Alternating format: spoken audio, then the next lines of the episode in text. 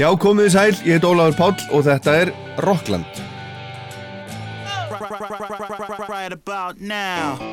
Þið auðlýsið hitt og annað, hérna hitt og annað sem svo aldrei kemur. Það var bara ekki auðlýst, það var auðlýst hvennasöng.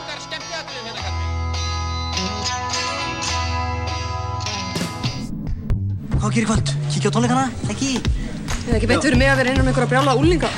Hvað minnur þau?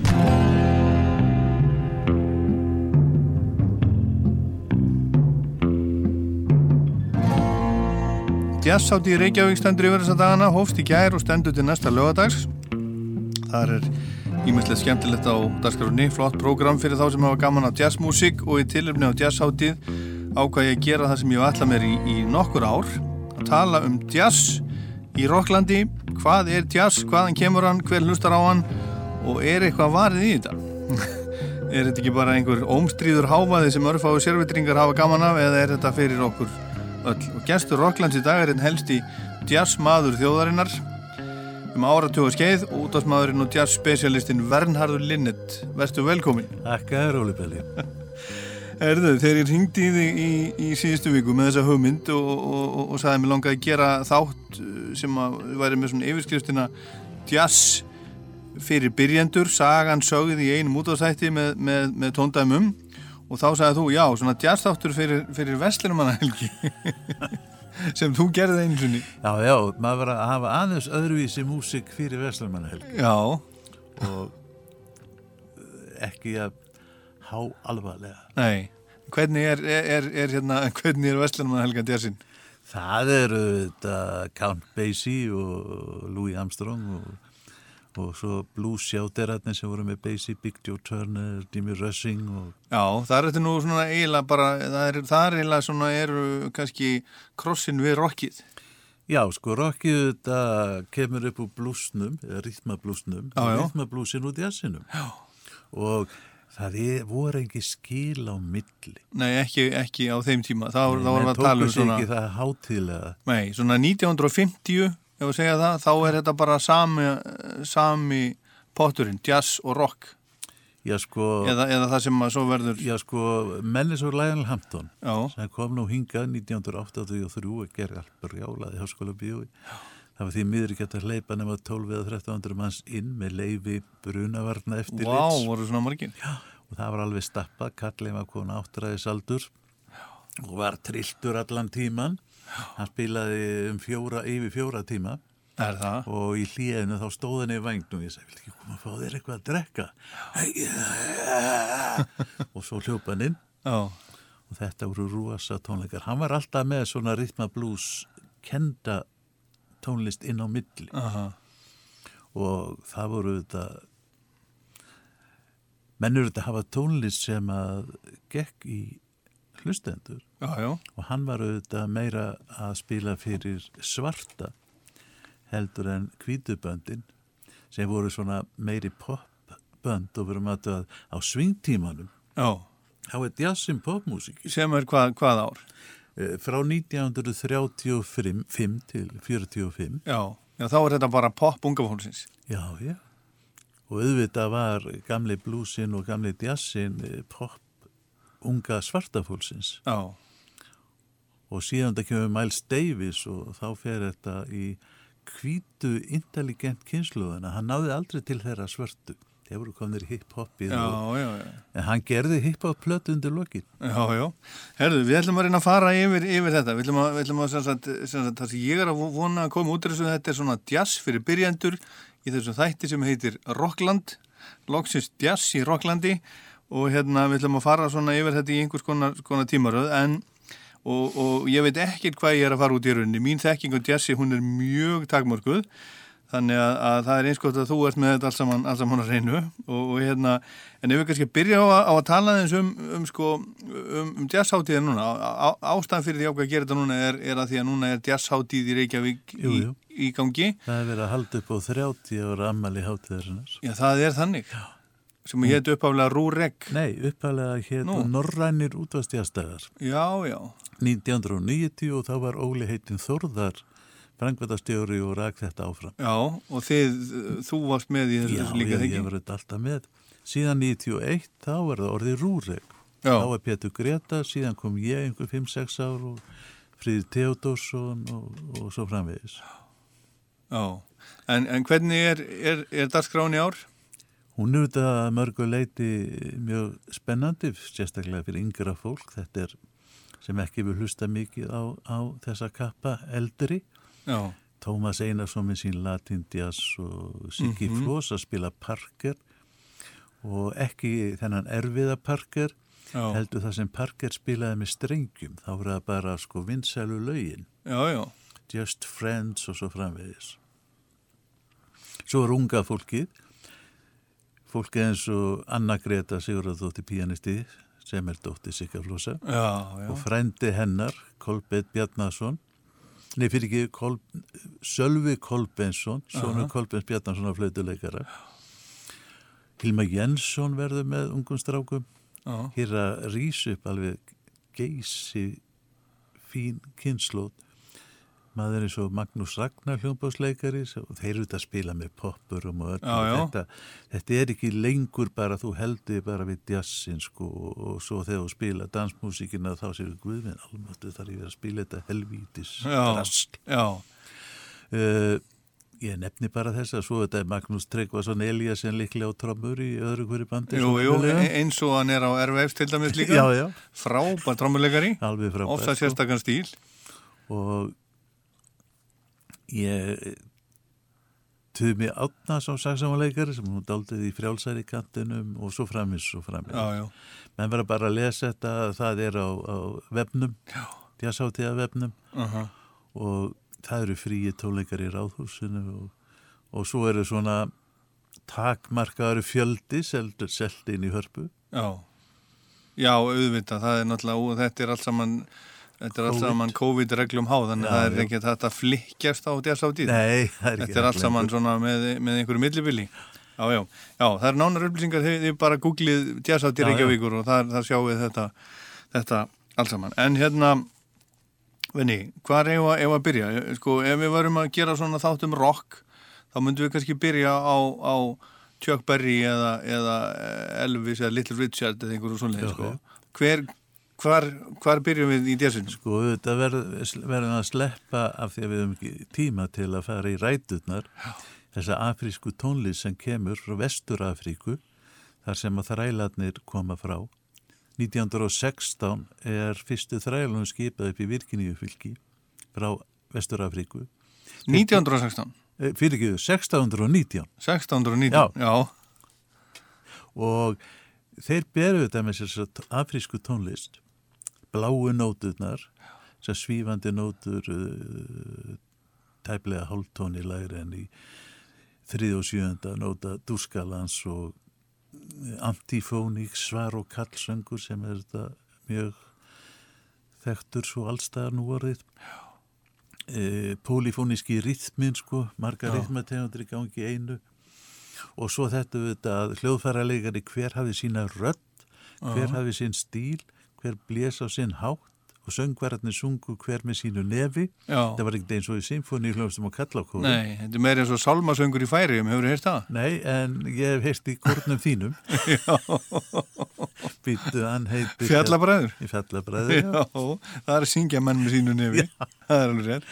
En, en hérna, en að því ég er að, ég er að, er að tala um færijar, þá var ég, fekk, var ég einu svona stattur í færiðum og þá fengum við svona kynningu á færiskri þjóðlagatónlist og kirkjumúsík og þá var það þannig að sko, það var einhver sem að samdi, samdi einhvern sálm og svo gekk hann, hann var, hann var sungin þarna og þarna og þarna og svo komum menn og sungu saman og það var allir að syngja sig hvort lægið og það er svona eins og kindajarm, það það, er mjög sérstæð. En það er öðruvísi dansinu. Já. Það syngja allir, Það syngja allir saman. saman og kunna viðlægið og ég var hérna Ólafsvöku og það var dansað og, og í miðjunni var náungi með ágævitisflösku sem Já. skeikti líðinu. Já. Til að upp í fjörinu. Já, akkurat. En að, að, að, að jazzinum og Afríku. Já, og síðan blandast þetta í stórborgum Suðuríkjana, fyrst og fremst New Orleans, sem var þetta frönsk borg, það var selt svo bandaríkjafanum 1803 ef ég maður rétt.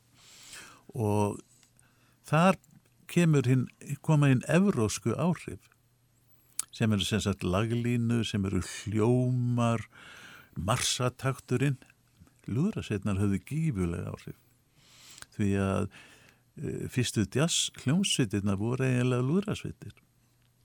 En svo kom tónlist sem var svona algjörlega skrifuð, ekki improviseruð eins og jazzin sem hétt ragtime og flesti þekkja Scott Joplin og já. The Entertainer og, og, og slíkt. En það er ekki jazz en það er áhrifavaldur. Og svo eru þetta blúsin gamli blúsin, hann, hann er grein af jazzinu og gospel. Já, hann er grein af jazzin. já, geta að segja hann að segja blúsin sé móður jazzins. Já, eða faðir. En við vitum þetta ekki hvernig blúsin var eh, til þess árið 1800 nei.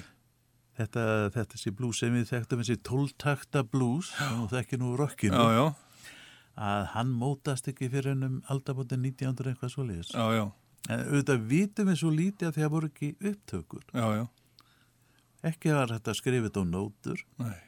því að nótnakerfi vestræðan það hendar ekki jazzmusik það er aldrei að skrifa ef við heyrum hérna núna Louis Armstrong spila West End Blues þá getur enginn skrifa þennan engang og hefur enginn getað spila það svona marga bestu trombitleikar að vera alltaf að reyna sig við þetta Er það það? vantar alltaf eitthvað Það er fyrsta lagi sem við ætlum að byrja á. Western því Blues, Louis Armstrong. Við höfum ekki tíma fyrir úðrasveitirnar hérna að spila Herra með Guð til þín. Það er eins og færiski söngurinn, sko, alltaf þekkir það. Og svo framvið sem að væri í Orleans og auðvitað það sem er kallað New Orleans Jazz núna og er í The Prevision Music Hall í New Orleans, það er þetta bara gerfi. Það er allir dauðir sem að gáttu spila þetta. já, En Louis, hann kemur til Chicago 1923-22 ára gammal, spila með King Oliver bandinu, sína fyrstu sólúa. 1925 stopnar hann hljómplötu hljómsveit, Hot Five, sem verður 1928 þá skapar hún ódöðlu listaverk og maður segja að það séu fyrstu listaverk djastónlistarinnar.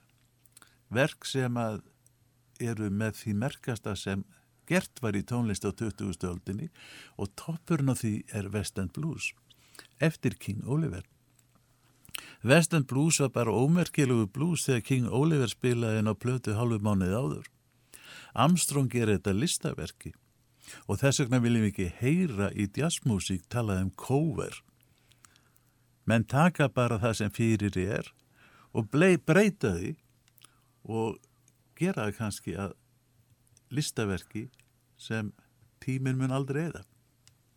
Eitt af því er West End Blues og auðvitað introið algjör hunák. Og svo syngur hann aðeins þarna og það áttu nú eftir að vekja mikla nexlun því að hvítir voru ekki vanir svona söng með svona rödd, svona rödd leti ekki í sér heyra nema bara hverju fyllibitur.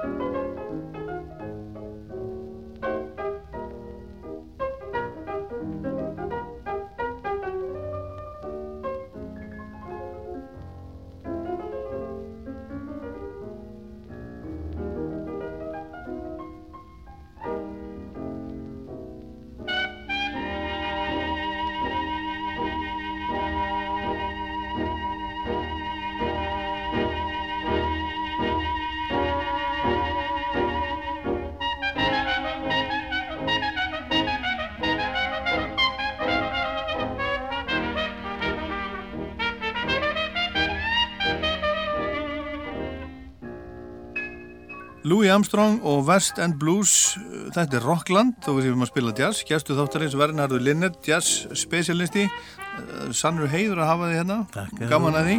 Og hérna og sko já þarna kemur þessi, þessi hrjúfa uh, hrjúfa rödd. Hann er, hann er fyrst í ef að segja, er hann fyrst í vondi söngvarinn sem hann slæri gegn Já, eða með, með svona, svona sérstakar rödd þú veist Já. eins og Tom Waits og Bob Dylan Jú, jú, og, og, og margir já, já, allir bara hver syngum með sínu nefni En Armstrong hafði þvílík áhrif þegar hann byrjar að syngja uh, sönglög, vinsar lög Aha. inn á plötu 1929, I can't give you anything but love. Að bara söngur í veröldinni var ekki eins í rýþmiskri tónlist. Já, Sínat er að hann kemur í svo setna en Bing Crosby og allir þessi kalla þeir þetta voru undir sterkum Armstrong áhrifu og margi söngvarað hafa sagt að þeir hefði haft hausinn út um lestaklukkan til að fá aðeins Armstrong rámarönd Aftur á móti þegar hann kom til Danmörku þá gekk alltaf göblunum að, að láta villimann öskra á públikum. Já, hvernig var það? Það er 1933.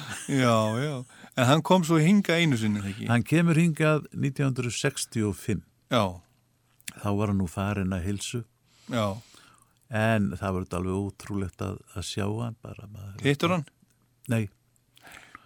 Það var Jó Múli sem sá um það, ég var svo lítill. Já, En ég, ég greta aðeins já, af hverju? bara þegar hann söng When it's sleepy time down south sem var kynningalæðið það var ekki annað hægt. Það var ekki annað hægt. Og hann var, hann var seg, segur í háskóla bíó? Já, Já, það voru ferðni tónleikar sko. já, og tróðfullt á öllum og, og ansi dýrt inn fannst Íslendingu sem aldrei borguðu neitt fyrir að fara á tónleika. nei, Svo ætlaði Gaur að græða aldeilis með því að fá Ellu Fitzgerald já, var með átta tónleika minni með henni og það var bara hálft hús. Hann, hækkaði prísan upp öllu valdi og skildi ekki að Ella var ekki Louis en Ella hefði fyllt á, á réttu verði þá hún fyllt samfélagum sinnum sko. já. Hérna, mamma mín er fætt 1954. Já. Hún hitti Ellu í, í hérna, lobbyinu held ég á Hotel Sögu og hún bauðin, bauðin á tónleikanu sína. Já, Já, þá hefur mamma bara verið 12 já. Eh, og- 66 kemur Ella Já, já, já, já, hún var bara, hún var bara, var 12, já, hún verið 12 ára, hún var með, var með fóreldur sínum á Hotel Sögu. Þannig að hún, hún hitt hana og, og hún bauði í. Það er flott, því Ellu var frekar illa við hún ókunnut fólk og sérstaklega kallmenn og sérstaklega bladamenn og þóldi þau ekki. Er það ekki? En hún Af er, hverju var það? það var bara vegna þess að það var búið að hafa svo margt rámt eftir henni og skrifa um hana á svinslegan hátt sem er háttur bladamenna í, í Bandaríkjum og Breilandi og en hún var badgóð Já, sem þetta sannar. já, akkurat. Herðu, hérna, um, e, já, ef, eins og ég sagði á hann, ef, varum, ef þetta væri rockþáttur, þá hefðu við byrjað á Elvis og svo hefðu við farið frá Elvis til dæmis yfir í bílana. Já. Hvert voru við næst? Við förum í Coleman Hawkins. Já, Coleman. Hawkins var tenósaksamanleikari í tenósaksamanleikarana kallaður faðir saxafónsins í djassi. Hann og Louis Armstrong höfðu slík áhrif á árunum frá 1930 til 1945 að eiginlega allir trömpilleikara blési eins og Armstrong og eiginlega allir saxofónleikara blésu eins og Coleman Hawkins. Hér á Hotel Borg satt Sveitn Ólafsson í hljómsveitur Rossberry og blés eins og Coleman Hawkins. Annar stað var Þorvaldur Stengriðsson og blés eins og Coleman Hawkins og svo er Maggi Randrup og hverja það voru, allir blés eins og. Já, já. Coleman Hawkins eh, fór til Evrópu 1934 og gerði það mjög gott, það var dýrkaður alveg eins og Guð og bara að fara frá bandaríkjónu það sem að kynþátt að hatrið sko svall og vall og komast það sem að það var virtur sem listamæður það þetta var stórgóðslegt en svo er í Coleman Hawkins að því að það voru komni strákar eins og Lester Young og Berry og Ben Webster sem voru bara búin að ræna korunni af honum Já, já. sem saksamanleikara jazzins nummer eitt. Já, hann flýtti sér með einhverju Queen Elizabeth eða einhverju öðru skipi til bandaríkjana og hljóðreitar plötu 38 þrjú lög eftir hann sjálfan sem hann útsetti fyrir hljóðsett svo vantaði eitt lag. Og tæknimaðurinn sem var að taka upp sagði, vilt ekki spila Body and Soul, þú spilaði svo stórkoslega og hann spilaði þetta lag sem mjög margir þekkja, Body and Soul. En hann spila lagið aldrei. Hann bara improvisir á hljóðmónum allar þrjár mínútinu sem lagið tekur og það sem merkara er að þetta verður svo vinsalt, þetta er í öllum djúkbóksum, þetta spila stanslust og það sýnir hvað bandaríkja menn voru þróaðir í að hlusta á rýþminska tónlist. Þeir þurfti ekki alltaf melodíuna. Þeir gáttu heyrst hana þarna í gegn í snildar spuna Kólumann Hókins.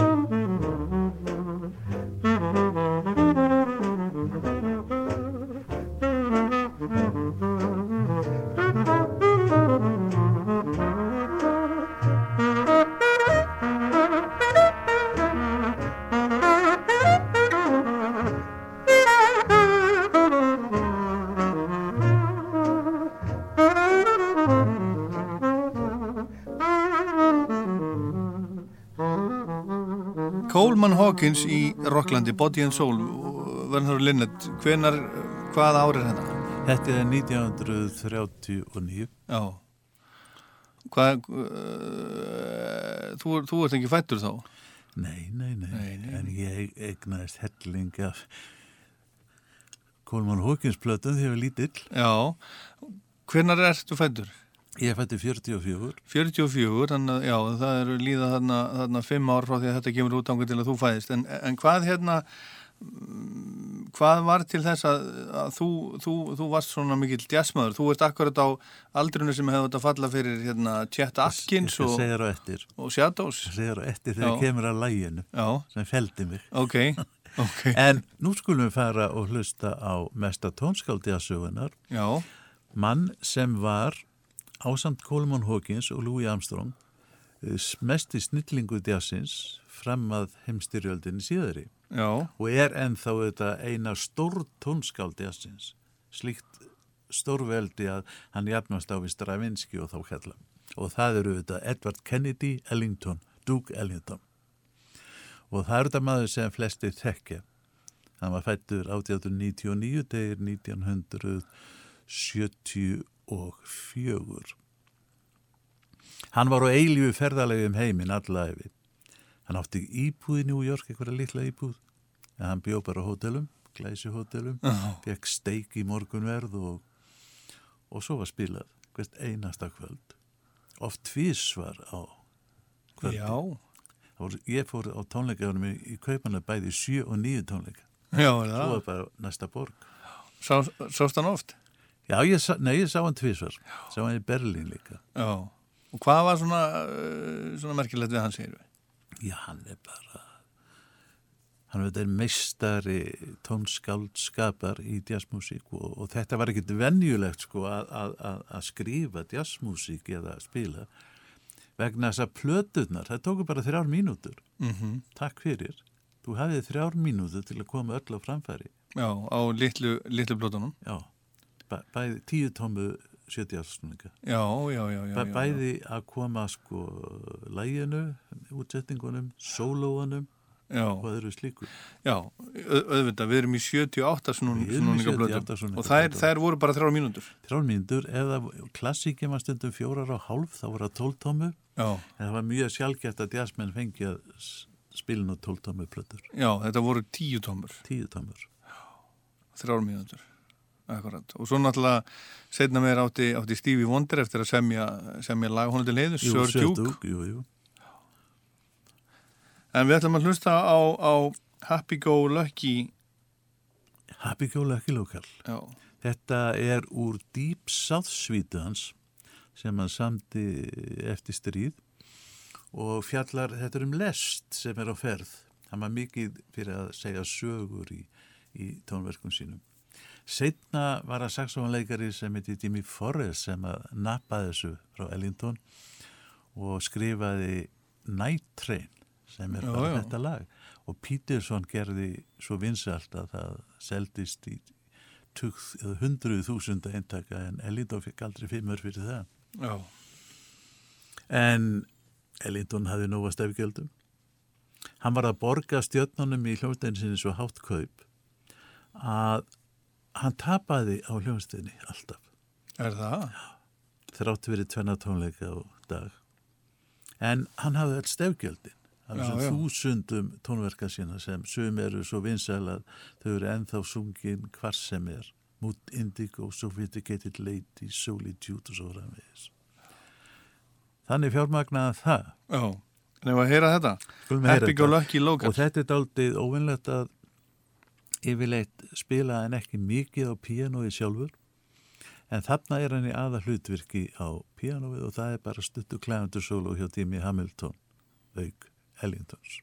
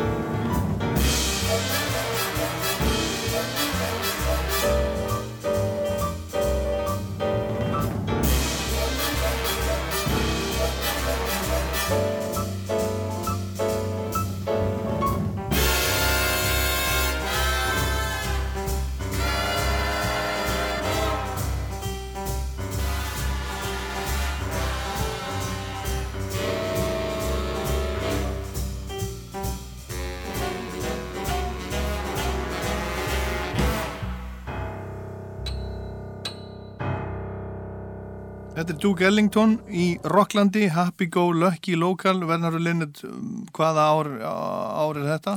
Sko hann semur þetta 1900, 1946 einhvað svo leið sko. Þetta er tekið upp 60, þetta er miklu setna sko. Já, En það hefur upptökuteknin er orðin flott. já, já, akkurat. En erum við komin að þeim stað þar sem að þú fjálst fyrir djössunum? Það er ekki nærið strax? Ok, hérna, Í næstu við að hlusta á annað, aðra stórsveit já, sem var allt öðru í sinn Ellington bandið. Hún var miklu blúsaðri því að hún kom frá Kansas City, höfuborg jazzblúsins.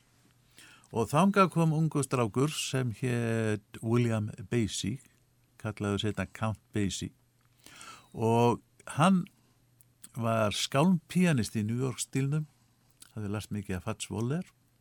Hefur heyrt um Fats Waller? já, já, já, Já, Fats Waller saði þessa frægu setningu sem að segja nú ímislegt um það hvernig maður getur ekki skýrt út jazz. Hann sagði við konu sem spurðan eftir tónleika, hvað er jazz, herra Waller? já, hvað er tjás? Ég tek undir. Og hún hann sagði, "Ef þú veist það ekki eftir þessa tónleika þá skalt ekki vera að hugsa um það. Akkurat. En Basie er hérna með hljómsveit og John Hammond frægur hérna plötu útgefandi arrangeur hann uppgötar hann. Já, og hann átti setni eftir eitthvað Dylan Bob Dylan. Nínu Simón. já, já, og, og hann uppgötar Billie Holiday. Hann var mjög naskur. Hann var auðvitað miljónera sonur hann var af Rothschild ættinni en hann fær Basie til að koma til uh, New York. En Dekka komst að því hann var fyrir Kolumbíu og þeir senda mann sem plata Basie til að skrifa um þau samning, hann held að væri frá Hammond. Þannig að fyrstu plötur Basie voru allar fyrir dekka þegar hann á Kolumbíu. Hann var með auðvitað rosalegasta sólista þessa tíma, tjónarsvarsónleikana Lester Young, sem var algjör anstæða Coleman Hawkins. Coleman Hawkins var með mikinn títur, mikinn tón, en Lester Young var með svona grannan títur, lítinn tón, daldi hólan. Uh, hann var hot, Coleman Hawkins, en cool, Lester Young. aha, Þetta eru alltaf uh, gengið á í, í listum, annarkvort eru listamenn hot eða eru cool. Alveg eins og Armstrong var hot en Big Spiderbeck fyrst í mikli hvítið jazzleikarin sem drakk sér nú í hel 28 ára gammal. Hann var cool. Eins og Chet Baker sérna. já, En við skulum heyra eitt lagi sem að uh, hann hljóðritaði Basie, þarna 37-8 í, í New York. En hér er það tekið upp á jazzháttiðin í Newport 1957. Það er svona ekki algjör balans í upptökunni en þá komu þrýr gamli gaurar sem voru með honum fyrir stríð og spiluðu með bandinu. Lester Young, enga vinnu Billy Holiday, eitt síðasta skipti sem hann spilaði á tenorsaksafonin og svo Joe Jones á trommur og svo syngur mesti bluesjátir allra tíma Jimmy Rushing. Boogie Woogie heitir það einfallega.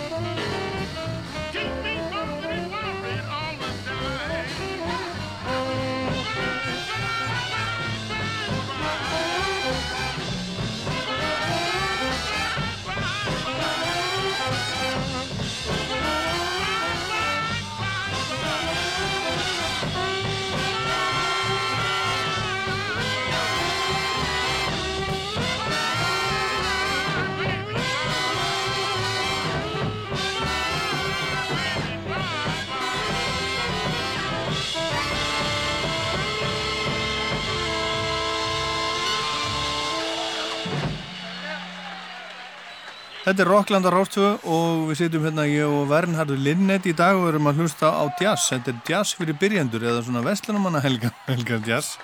Maður fara hérna eh, á stiklu og stóru í, í, í jazzsögunni. Hérna vorum við að hlusta á Count Basie, Boogie Woogie. Þetta er svona, þetta er bara svona ef þetta væri aðeins meira fuss í þessu þá væri þetta bara rock and roll. Já, já, ég menna þetta er bara þetta er bara bluesin Já. jazz, jazz bluesin Jazz blues og með, með þessum rosalega já, Jimmy akkurat. og svo Lester Young á tenurinn Já. Hvar var þessi músík spiluð á, á þessu, Danshöllum. þessu tíma? Danshöll Já, þetta var bara, bara uh, dansklúpar síns tíma.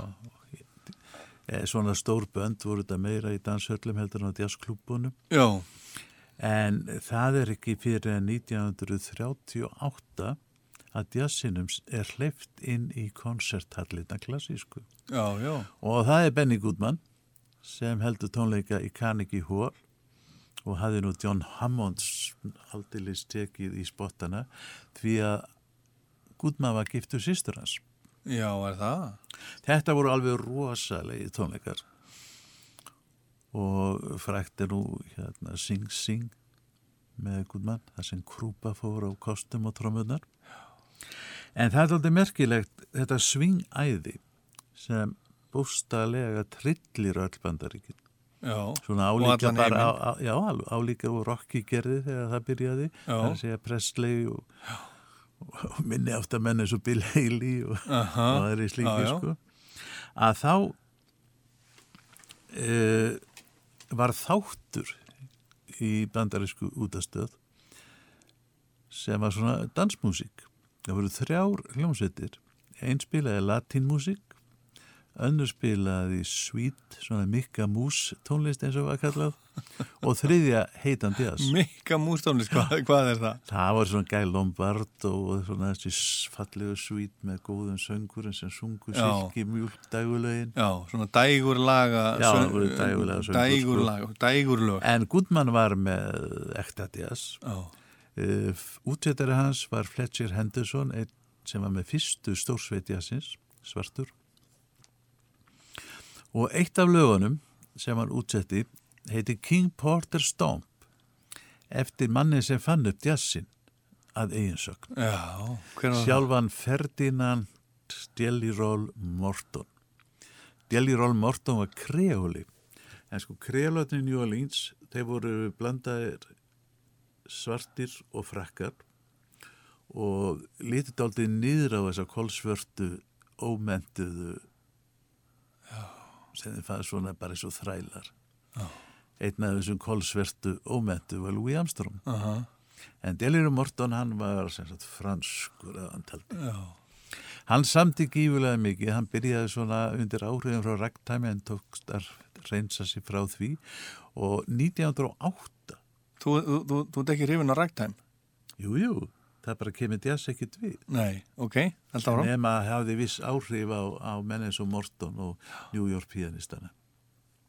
Það er allt skrifað, það er ekkit improv. Já, já, já, og hann samti þetta lag King Porter Stomp og það einkennist aldrei að riffum og riffin voru stort atriði hjá öllum svingljónsettum. Það er þrýr fjóri taktar sem eru enduteknir C og I. Oft ef við spilum tven, tvö, tvö, tvö riff þá svaraðu hvort öðru kall og svar, svona antifóni sem kom frá. Afríku og margir þekkja In the Mood með Glenn Miller. Já, já, og In the Mood er í mitt samið í þessum stíl. Já, En svo, svo voru líka sko, eh, það var, var svipað með bara svona, svona sjómanna söng, söng, söngvega gamla. Það voru þeir svona, svona kallast á, Já, svona hífi, hífið í og allir saman nú og svo, svo var svarað. Og, þetta kemur líka frá vinnusöng þannig eru þeir bómuðla Picka Bill og Cotton sem Belly söng og fleira af ökurónu það er einmitt í þessum stíl. En ég myndist á Glenn Miller In the Mood, það voru ekkert eftir uh, hans menn.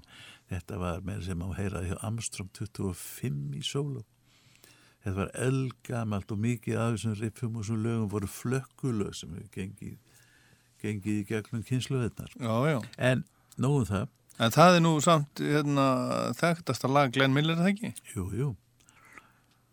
Það var gífulega vinsælt. Já. Jóhannes Eggesson sem var trommar á borginni saði það var svo gaman þegar í þeim út kom. Fólki var brjálað í fótunum. Já. En auðvitað var þessi dans sem menn voru að dansa á þessum svingböllum, dittibúk, það voru allir að dansa dittibúk sem þetta tæknilega er alltaf erfið. Setja dömurnar yfir höfuðið og milli fótan og svo framvegis og henda þeim til og frá. Já. En hver er, hver er munurinn á því, því og svo bara svona rock, rock? Þetta er rockdansarnir þessu tjúti og það, það kemur bara beint frá þessu. Já. Það er bara einn samfella. Og riffin eru notið í rocki heilmikið. Já, já. En við skulum heyra þetta lag.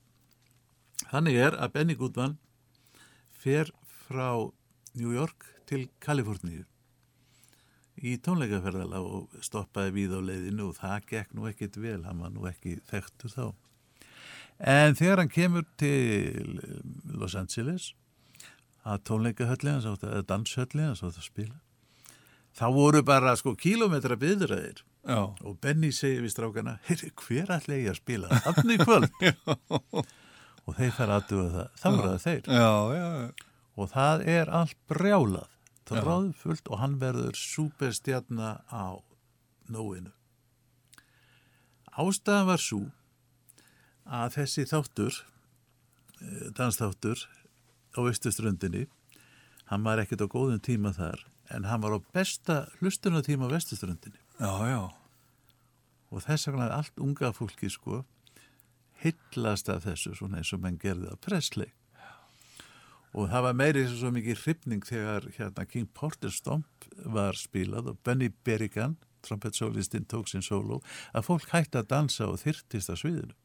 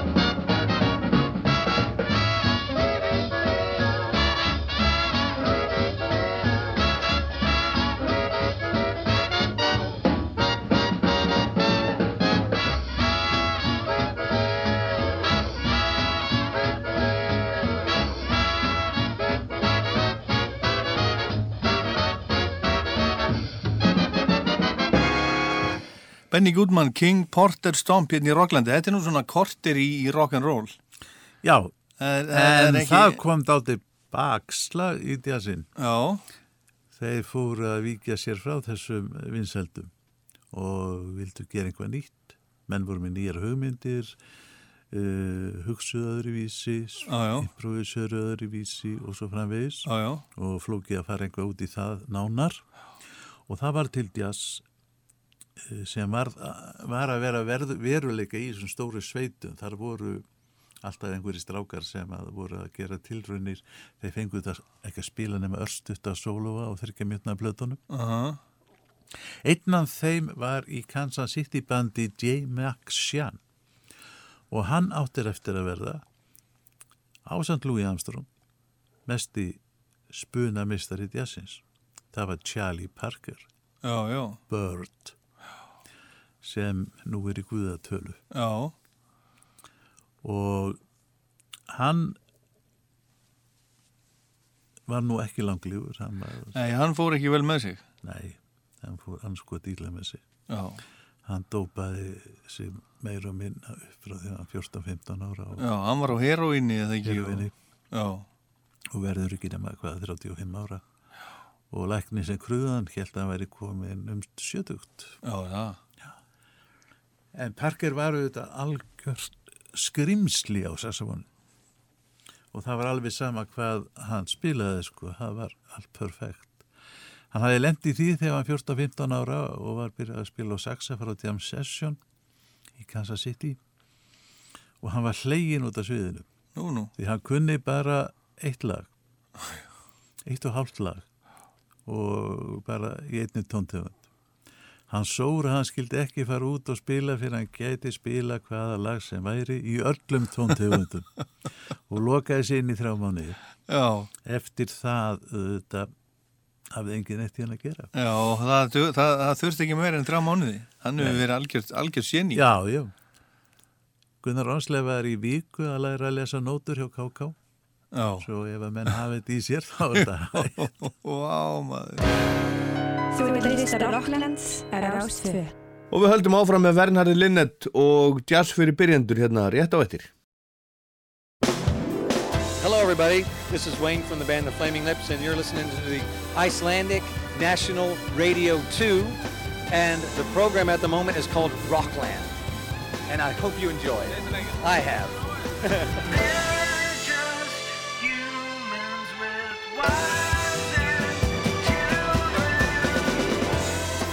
Þetta er Rockland á Rástfö, ég heit Ólafur Páll og gestur þáttarins er Vernhardur Linnet og við erum að tala um og spila jazz fyrir byrjendur.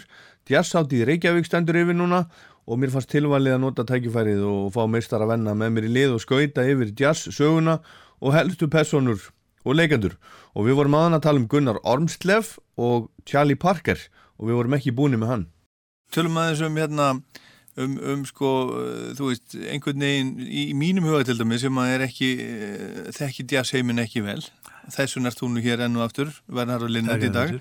Hérna, sko, í mínum huga þá er, einmitt, þá er, þá er einhver svona einhver svona allavega tímabilið einhver svona mikil svona dóp ógæfa uh, svona fylgjandi þessu svona mikil, mikil dópneisla, heroin Heroin, er hörð eitilvænisla og þetta fylgir kannski stríðinu. Já, Það voru óróa tímar. Það var upplausni í þjóðfélagunum og heroinir flætti yfir og það flæðir yfir í djassinum á þessum árum frá því svona 1940-42 og svo fram undir 60 eitthvað svo leis. já, Uh, margir auðvitað eins og Miles Davis sem voru herjunistar á tíma, þeir fóru bara heim til pappa og fengu að vera í skúrnum og æla og skýta eins og við gáttu. Svo voru þeir bara klín. já Og Miles fór ekki meiri í dóp fyrir en hann lendi í gífulugu bílslýs og braut sér allan og var að fara að geta verkefillur. Það var til þess að hann fjallattur. Já, já, En Charlie Parker var auðvitað ekki einn af þessum miklu bebopurum, hinn var auðvitað Dizzy Gillespie. Já, þú ert að tala um að tala um það, er, það er það sem, að, sem það verður sem er að koma eftir stríð það sem gjör Já. öllu. Þarna er þetta, þetta er bara, þetta er bara pop tónlist unga fólksins, þarna, það, það, það, það er verið að dansa við þetta. Og svo kemur bebopi sem er svona svolítið, svolítið left field. það var sett maður að segja bebopið, það var hvorki hægt að syngja það Já, eða dansa við það. Já. Og hvað, og hvað er þá, hvað er þá skemmtilegt við það það? var bara improvisasjónirnar og úrvinnsla hljómana og hugmyndirnar og svo framvegis. En þetta var til þess að vinsaldi jazzins fóru alveg niður. Auðvitað menni svo parker örfáir auðvitað höfðu alltaf nóg að gera. En vinsaldan fóru alveg niður hjá almenningi. Þetta verður allt í einu akademist tónlist list tónlist sem aldrei hefur nú selt vel. Ekki samtíma listónlist menn þeirra að hjökta með Mozart og Beethoven. Af því að það er búið að koma því inn í fólk eftir allar þessar aldir. Já, já. en aftur um þetta var til dæmis Dizzy Gillespie, hann notaði aldrei eitthulif hann var og þeir gáti þess að ekki spila saman Dizzy og, og Parker það endaði með því þeir spiluðu saman eitthvað eitt, tvö ár og síðan skildu leiðir því að menninni voru svo ólíkir. Þú veist hvað sagði ekki Stan Getz þegar hann var með Chet Baker á koncertúr að blanda saman heroinni og brennivinni það er bara eins og olí og vatn. Oh. en það hætti Baker með honum á miðjum túr en Heyrum Parker þeir gerðu eitt, þeir notuðu mikið hljóman og gamlu söngdansunum sem vinselu söngdansum og bara kerðu melodíina áfram örstutt og síðan improviserað. Og eitt flottasta og frægasta lag Parkers, Coco frá 1945 er byggt á vinsalu lagi eftir Ray Noble sem heitir Cherokee. Og við heyra þarna tvær tökur að því fyrst er bara 29 sekundur þá voru þetta stoppað og þá kemur nýttaka þar sem Parker er búin að gera þetta algjörlega sínu Áhverju var þetta stoppað, áhverju mátti ekki heyrast í laglinu Cherokee aðeins? Jú, þá þetta kom höfundurinn og umbásmenn hans og heimtuðu gjöld og þá var að borga. Annars rann það til músikantana ef þið skrifuðu sjálfa sig. Fyrstu tvær tökunar og það er einu sem eru varveittar af Coco en af sömu lögum Parkes eru varveittar 17-18 tökur bara sem er tekið takk eftir takk eftir tökur og, og nýju sólu var í hver skipti. Það var svo frjór. Música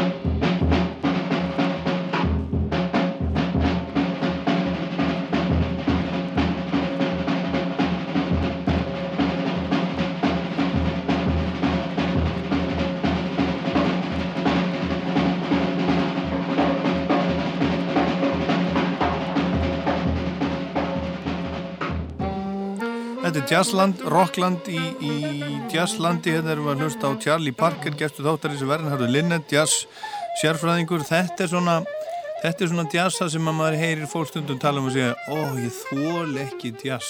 Jú, það, er, það er svona. Það Við erum að, að, að Charlie Parker hafði slík áhrif Já. að hann eigðilagði hundruð þúsunda saksamanleikara. Hefur aldrei að reyna að spila svo Charlie Parker. Já. Sumu tósta uh, líkjast honum aðeins en þeir höfðu betur gert einhvað annað. Heldur að vera að stæla Charlie Parker. Já, já. Það var ekki hægt. En það verið, verið gerðið hérna frægu bíómyndum hann, Jú, Clint. Eastwood, Eastwood- gerði bíómyndina Bird Já. og sem er svona eina frægari jazzmyndum. Já, akkurat. En hérna erum, við, erum við komin að þeim stað þar sem að þú heilla, heillaðast að djassinum? Rétt strax. Rétt strax, allt í lei, höldum áfram. En auðvitað mátti ekki við svo búið að, að allir hirfu úr jazzklúbunum og, og, og koncertsölunum og annars líf. Aha. Þannig að það kemur eins konar nýbop. Nýbop? Já, við getum kallað það, eða hardbop var að kalla, hardbop. Það byrja nú eiginlega á, á vestuströndinni með trommarnu Max Rhodes sem hafi verið með Parker og trompetleikarinn Clifford Brown og síðan næri þetta alveg eh, sínni fullkomnun með The Jazz Messengers með trommarum Art Blakey sem tvís á kom til Íslands. Já, hittur hann? Hæ? Hittur hann? Já, Já, já, já. Já. svona mjög vel. Já, drukkuðu Ég- saman? Drukkuðu saman eitthvað? Hann drakk ekki, hann var Nei. múlamistrúar. Já. En við töluðum ekki saman og síðast ég hitt hann var rétt ára hann dó og þá myndi hann eftir afastráknum sína, var svona minn. Já, já, já, já, já, já. Hanskalis er og ásamt pianistanum Hóra Silver sem var ættaður frá Grænhöfðaði. Þeir voru með þessa hljómsveit og þarna kemur nýjir hlutir inn í boppið þar að segja uh, gospel, svona funky gospel og það hefur þau áhrif að, að, að áhverjum flikkjast allt. Hvað, á, hvað ár erum við að tala um, tala um núna? Við erum talað um svona 1954. fimm- Já, þegar rockið er að verða til líka. Já.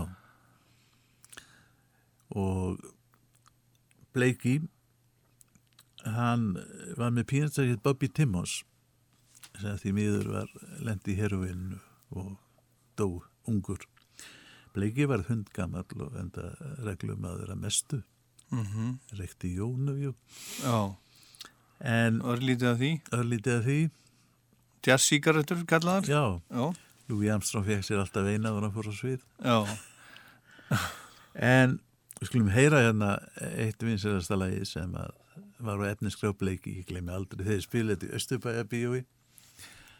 Þeir heldu tvenna tónleika hér, fyrst í Östubæja bíó og setna þegar hann kom í Háskóla bíói og alltaf tróðfullt. Það var allt brjálað, það var allt brjálað og það var lagið Moonin.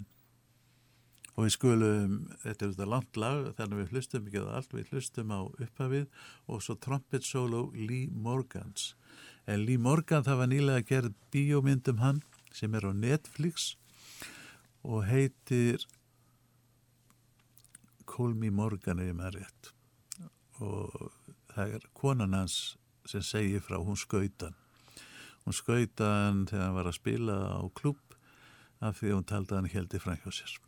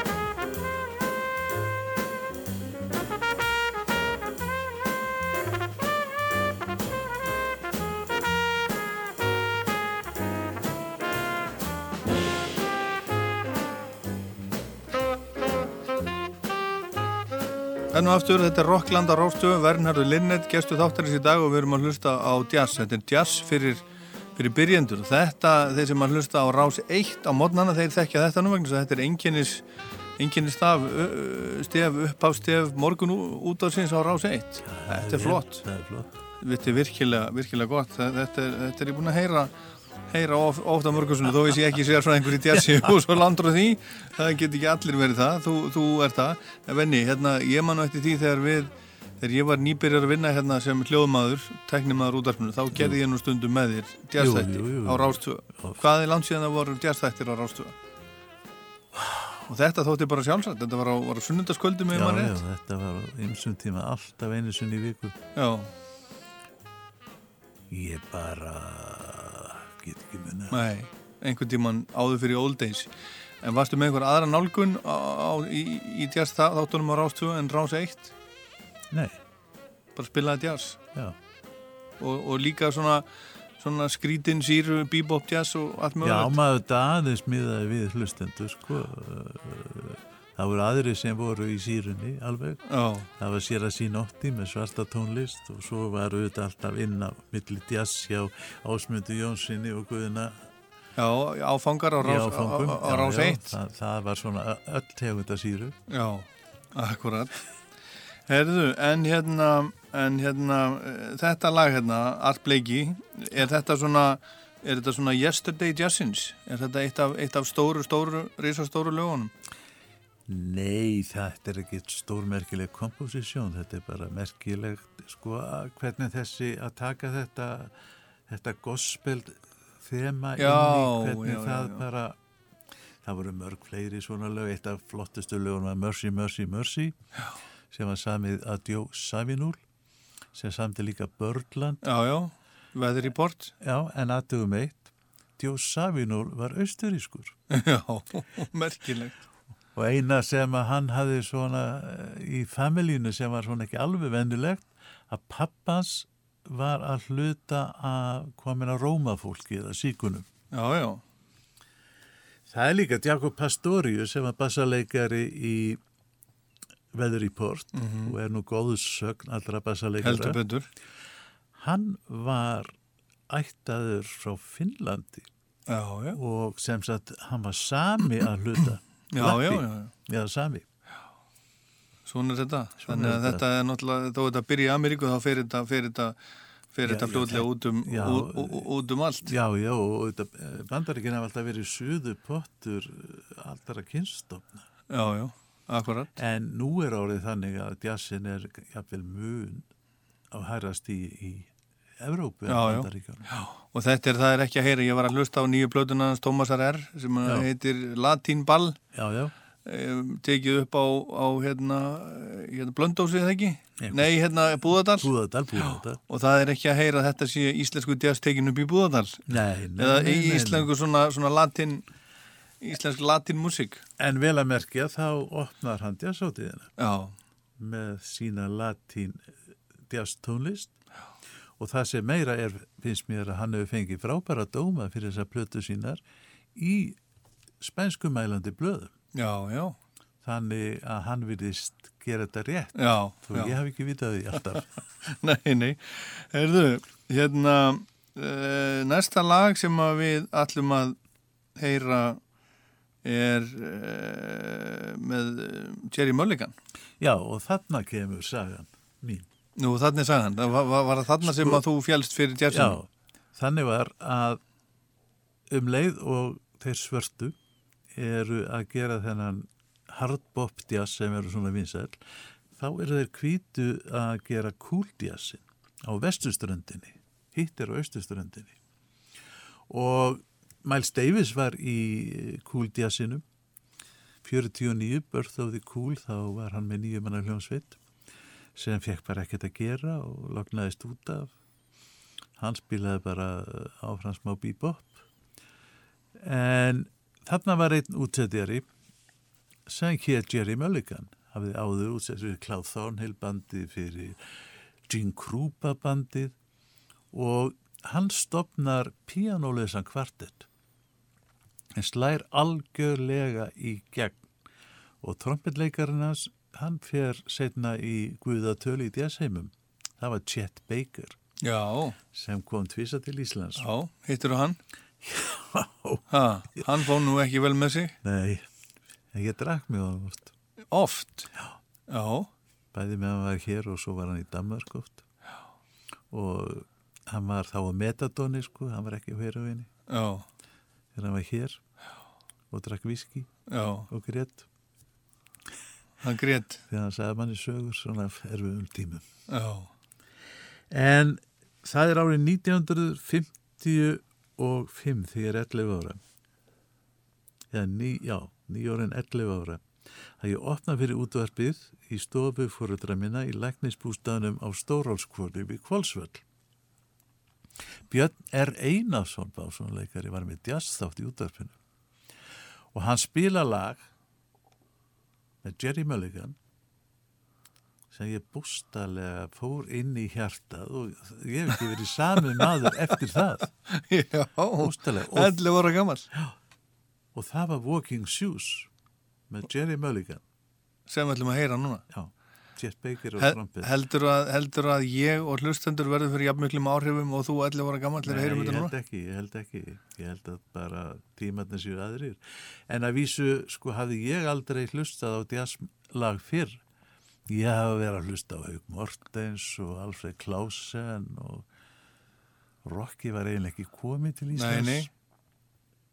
Þetta er 55 segir Já. Þess vegna hlugstaði ég aldrei á rock af því að jazzmennur er svo mikið trúasöfnuður. Já.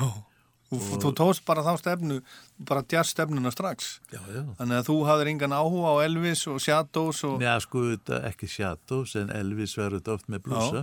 Já, en bítlarnir? Já, já, þá er komið aldrei annað. Það er orðið, sko, allt önnur músík. Já, haf, hafður gaman því? Það er, það er þetta náttúrulega bara ungu maður.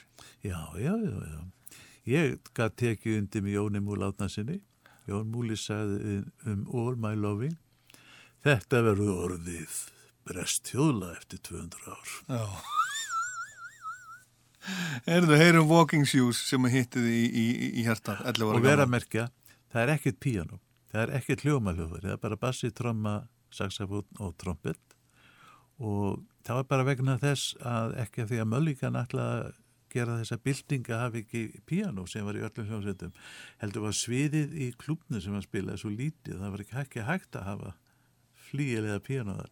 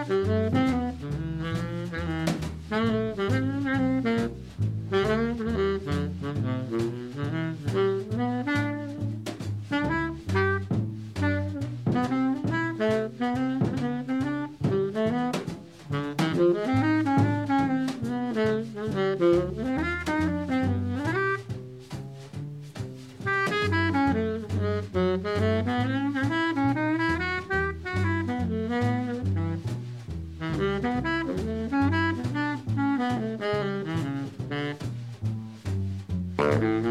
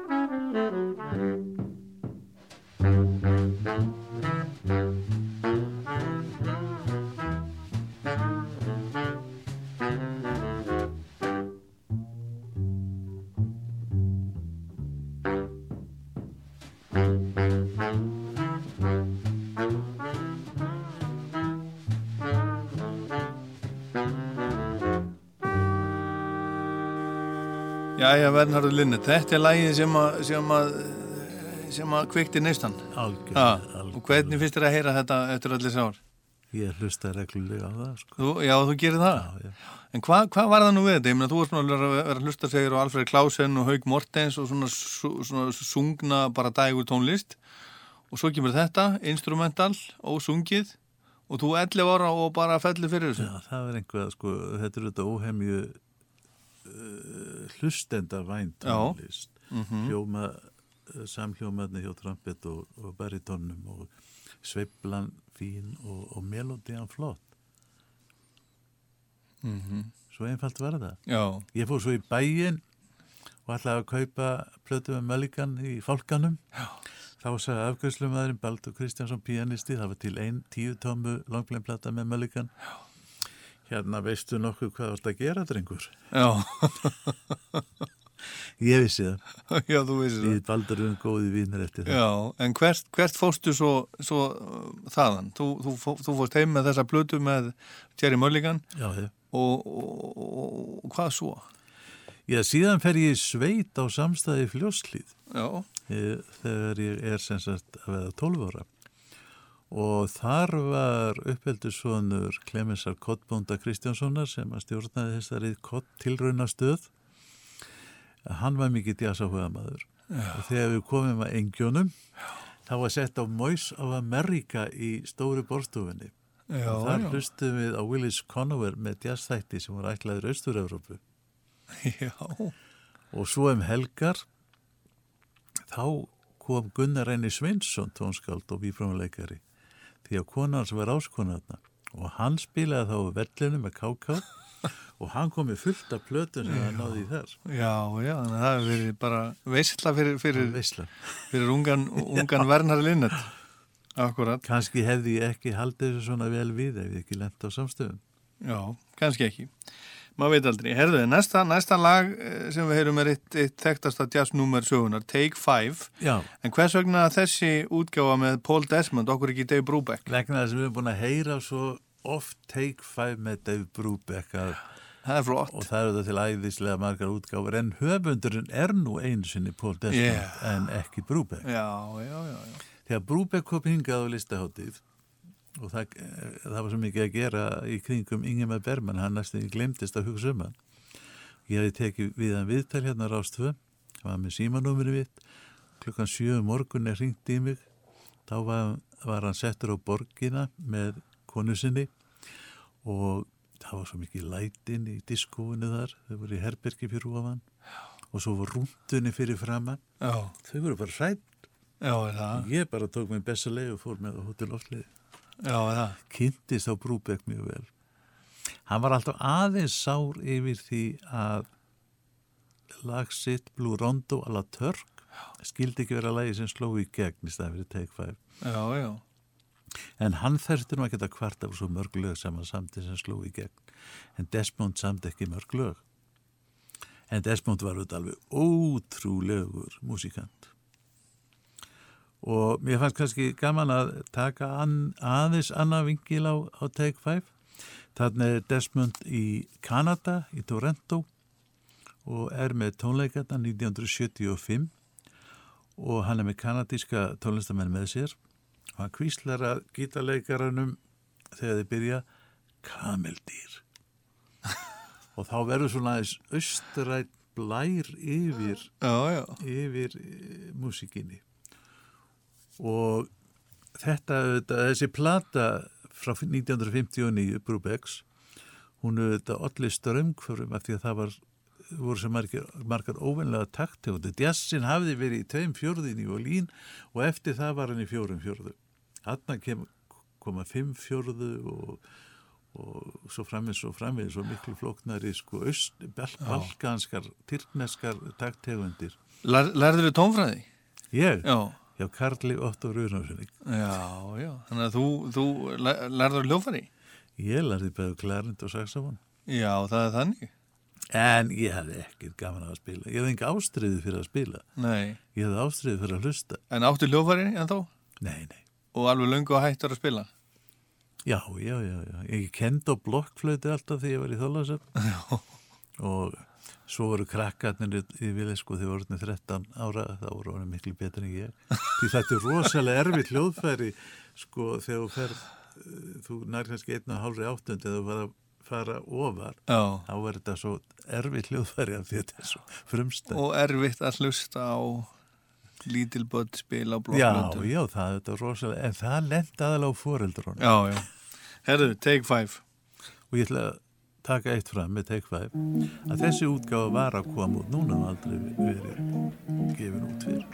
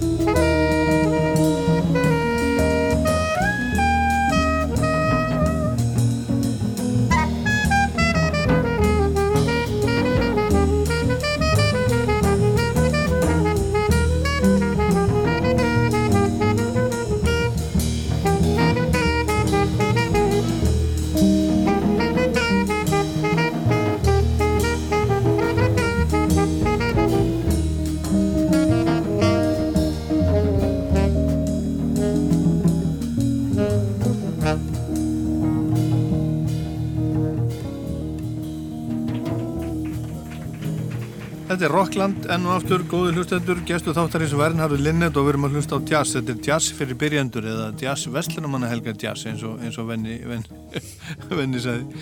Herðu, Miles Davis er næstur. Já. Hvað er svona merkilegt við hann? Nú fer það kannski að vera aðeins minni Vestluna Helga Díaz. Já. Miles Davis.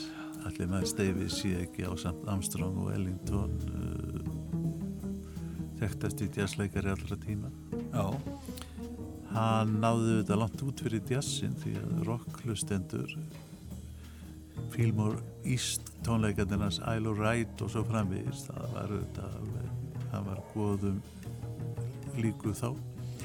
Eh, hann byrjar með ég maður segja með Charlie Parker. En hann var svona cool og Parker var hot. Þeir voru svona anstæður Já. hann hafði ekki þess að tækni heldur en hann hafði þess að melodíaði sem þetta engu lík. Og ég segi bara já, að hvað með Miles Davis á hverju var það svona elskaður? Og í gegnum sko árin alveg frá 1945 og þangað til hann degir það er engin einn spurning nema hann var eins og Picasso. Alltaf í þróun, alltaf nýjir stílar. Aha.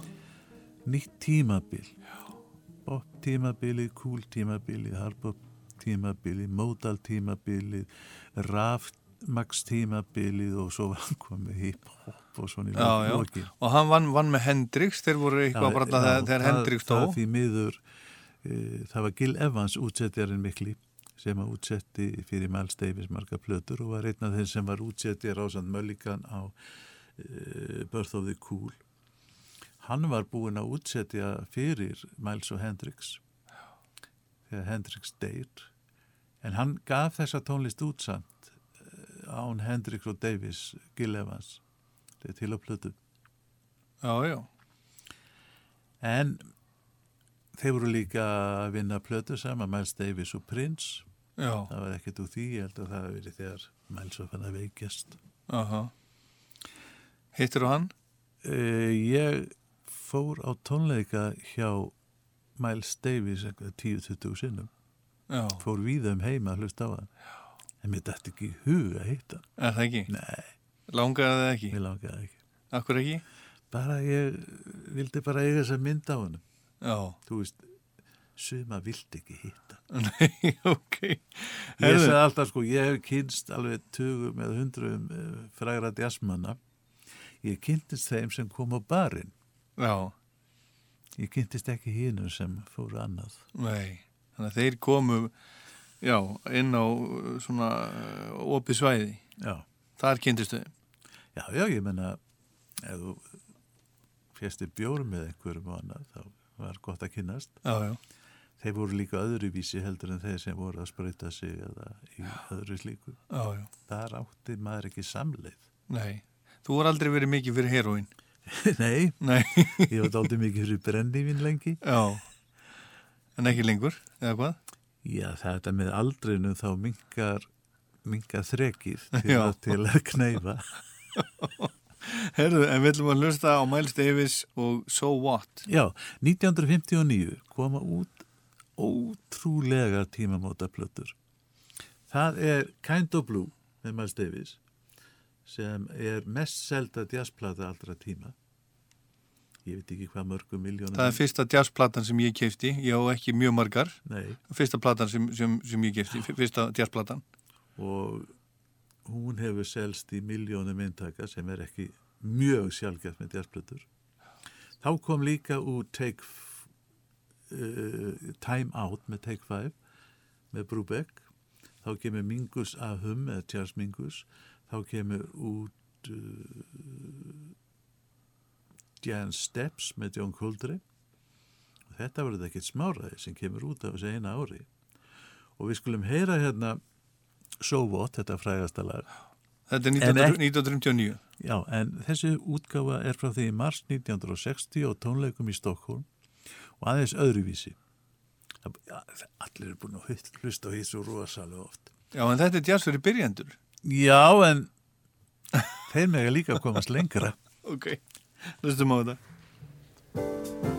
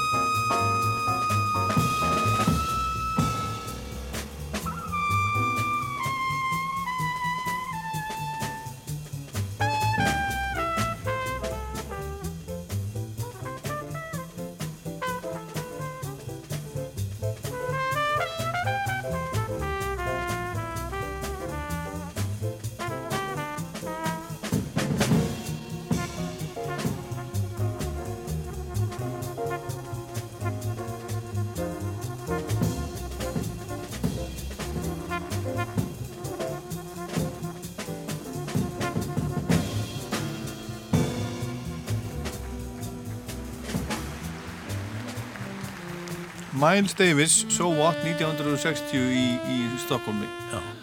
Þú varst ekki þarna eða það vinni?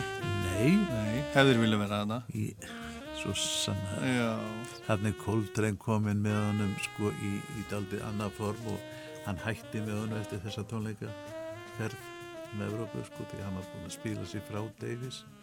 En við höfum ekki tíma til að fara í það. Nei, en aftur á móti það er fyrir lengra kona Já, aftur á móti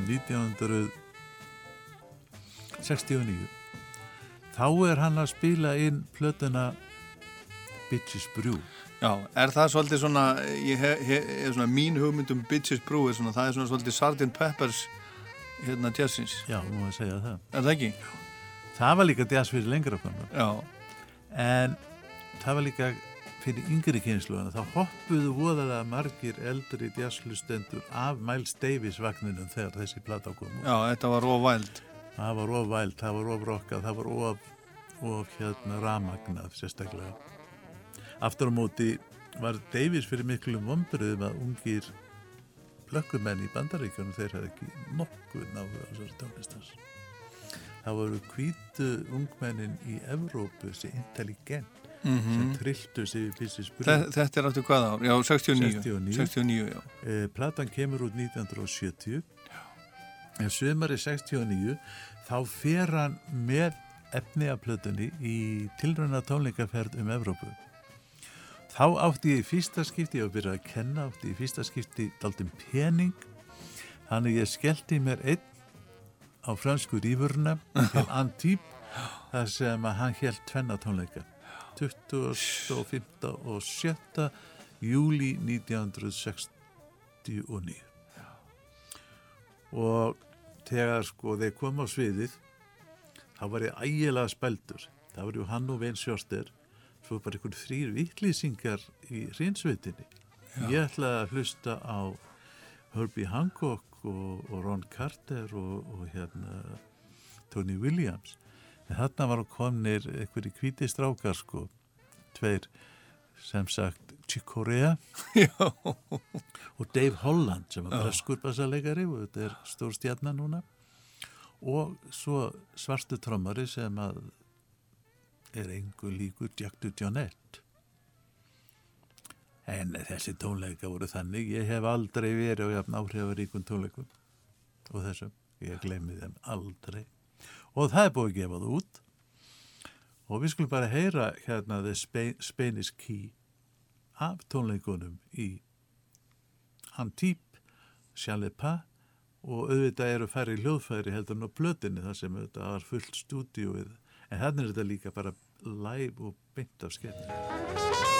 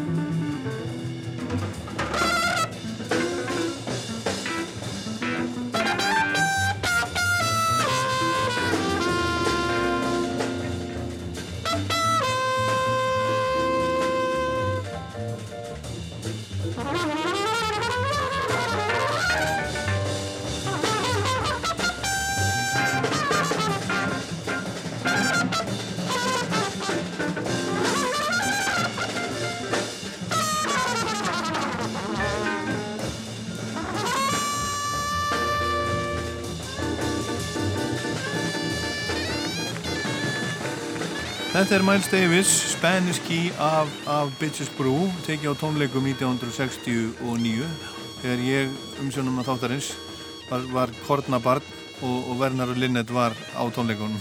Já. ah, svona nú það. Erðu, en hérna, þetta er langt og mikið, við, við höfum ekki tíma til, til að hlusta þetta allt, við, við bara beinum fólkin á, inn á Spotify að við heyra þetta allt saman, þetta eru, eru 10, 20, 20, 20 mínútur í að heila þetta lag, en hérna, en svo er það Ornette Coleman, Já. hver er, hver er, hver er Ornette Coleman? Og er, Ornette hvað er svo merkilegt við hann? Má kannski segja hann sé fadir frjálsadjassins. Já, jazz, Já, er það ekki eitthvað mjög skrítið? það var mjög skrítið. Já. Sem sagt, menn hættu, Það er sem svo kona mín slekkur á um leið og hún heyrir bara. kona mín líka, Er það? Allt í góðu. En sko um 1960 þá verður bylting. Það er að segja það, það er síðasta bylting alvöru bylting í djassinum áður en raftjast bylting mælstefis verður. Og þá eru menn þá láta lönd og leið hljóma. Já, og uh, takt og annað slíkt. Og gera bara eitthvað rugg. Nei, nei, nei, nei, þeim improvisaði mikið á melodíu en ja, sumir, aðrir ekki. Þetta verður þetta ekki ein stefna, þetta verður þetta marg hólfa og um, mikið af þessum frí jazz er ekki mjög skemmtilegt að hlusta á að plötu. Það getur verið jafn ótrúlegt að hlusta á tónleiku. En Onnet Coleman, ég man alltaf því að egnaðist fyrstu plötuna með Onnet Coleman þegar fekk hann að láni menningarstofni bandaríkjana Tomorrow is the question. Það hefði verið 59-60. Ég tek hann upp á seguband og þá er ég að flytja til Vestmanni og þar var jazzklúpur og ég fyrir að spila þetta fyrir strákana maður. Það var bara takt þetta djúvulsi skarka látt ekki nokkuð mann sjáði með þetta helvíti hér í jazzklúpnum. Það voru tveir félagið mínir sem að annar trompetleikurinn, bassaleikari sem að hlustuðu á þetta með mér. Þannig ég var ekki alveg einn í heiminum. En ég hef oft hlustað á Onett Korman og konsertum eftir þetta og mér finnst það stórkostlegur en svo finnst það öðrum hann auðvitað alveg ömulegur. En ég langar til að spila þetta östuðt lag sem að heitir Peace Warriors og er tekið upp 87 en er með orginal kvartetnu sem gerði fyrstu stórvirki hans eins og plötuna uh, The Shape of Jazz to Come fyrir Atlantic. Þar sé að Tjali heitin á bassaton, Cherry á vassatrompet og Billy Higgins á trommur. Og við skulum bara heyra þetta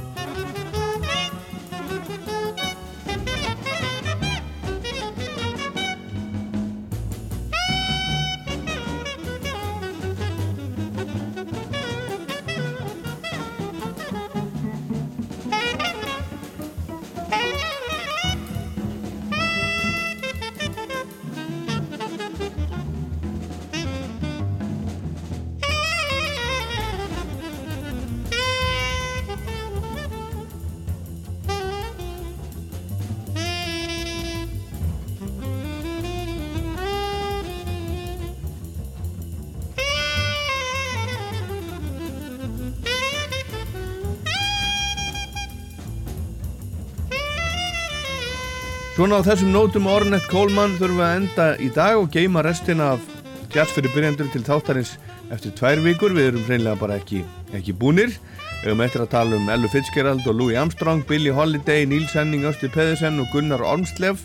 Svona meðal annars framhald og rest sem sett eftir tvær vikur. En í næsta þætti verður gestur minn Hörður Torfason og við ætlum að hlusta saman á fyrstu plötuna hans Hörður Torfarsson syngur eigin lög sem kom út 1970 fyrir hálfri öld en Hörður fagnar 75 ára ammali sínu núna næsta föstudag.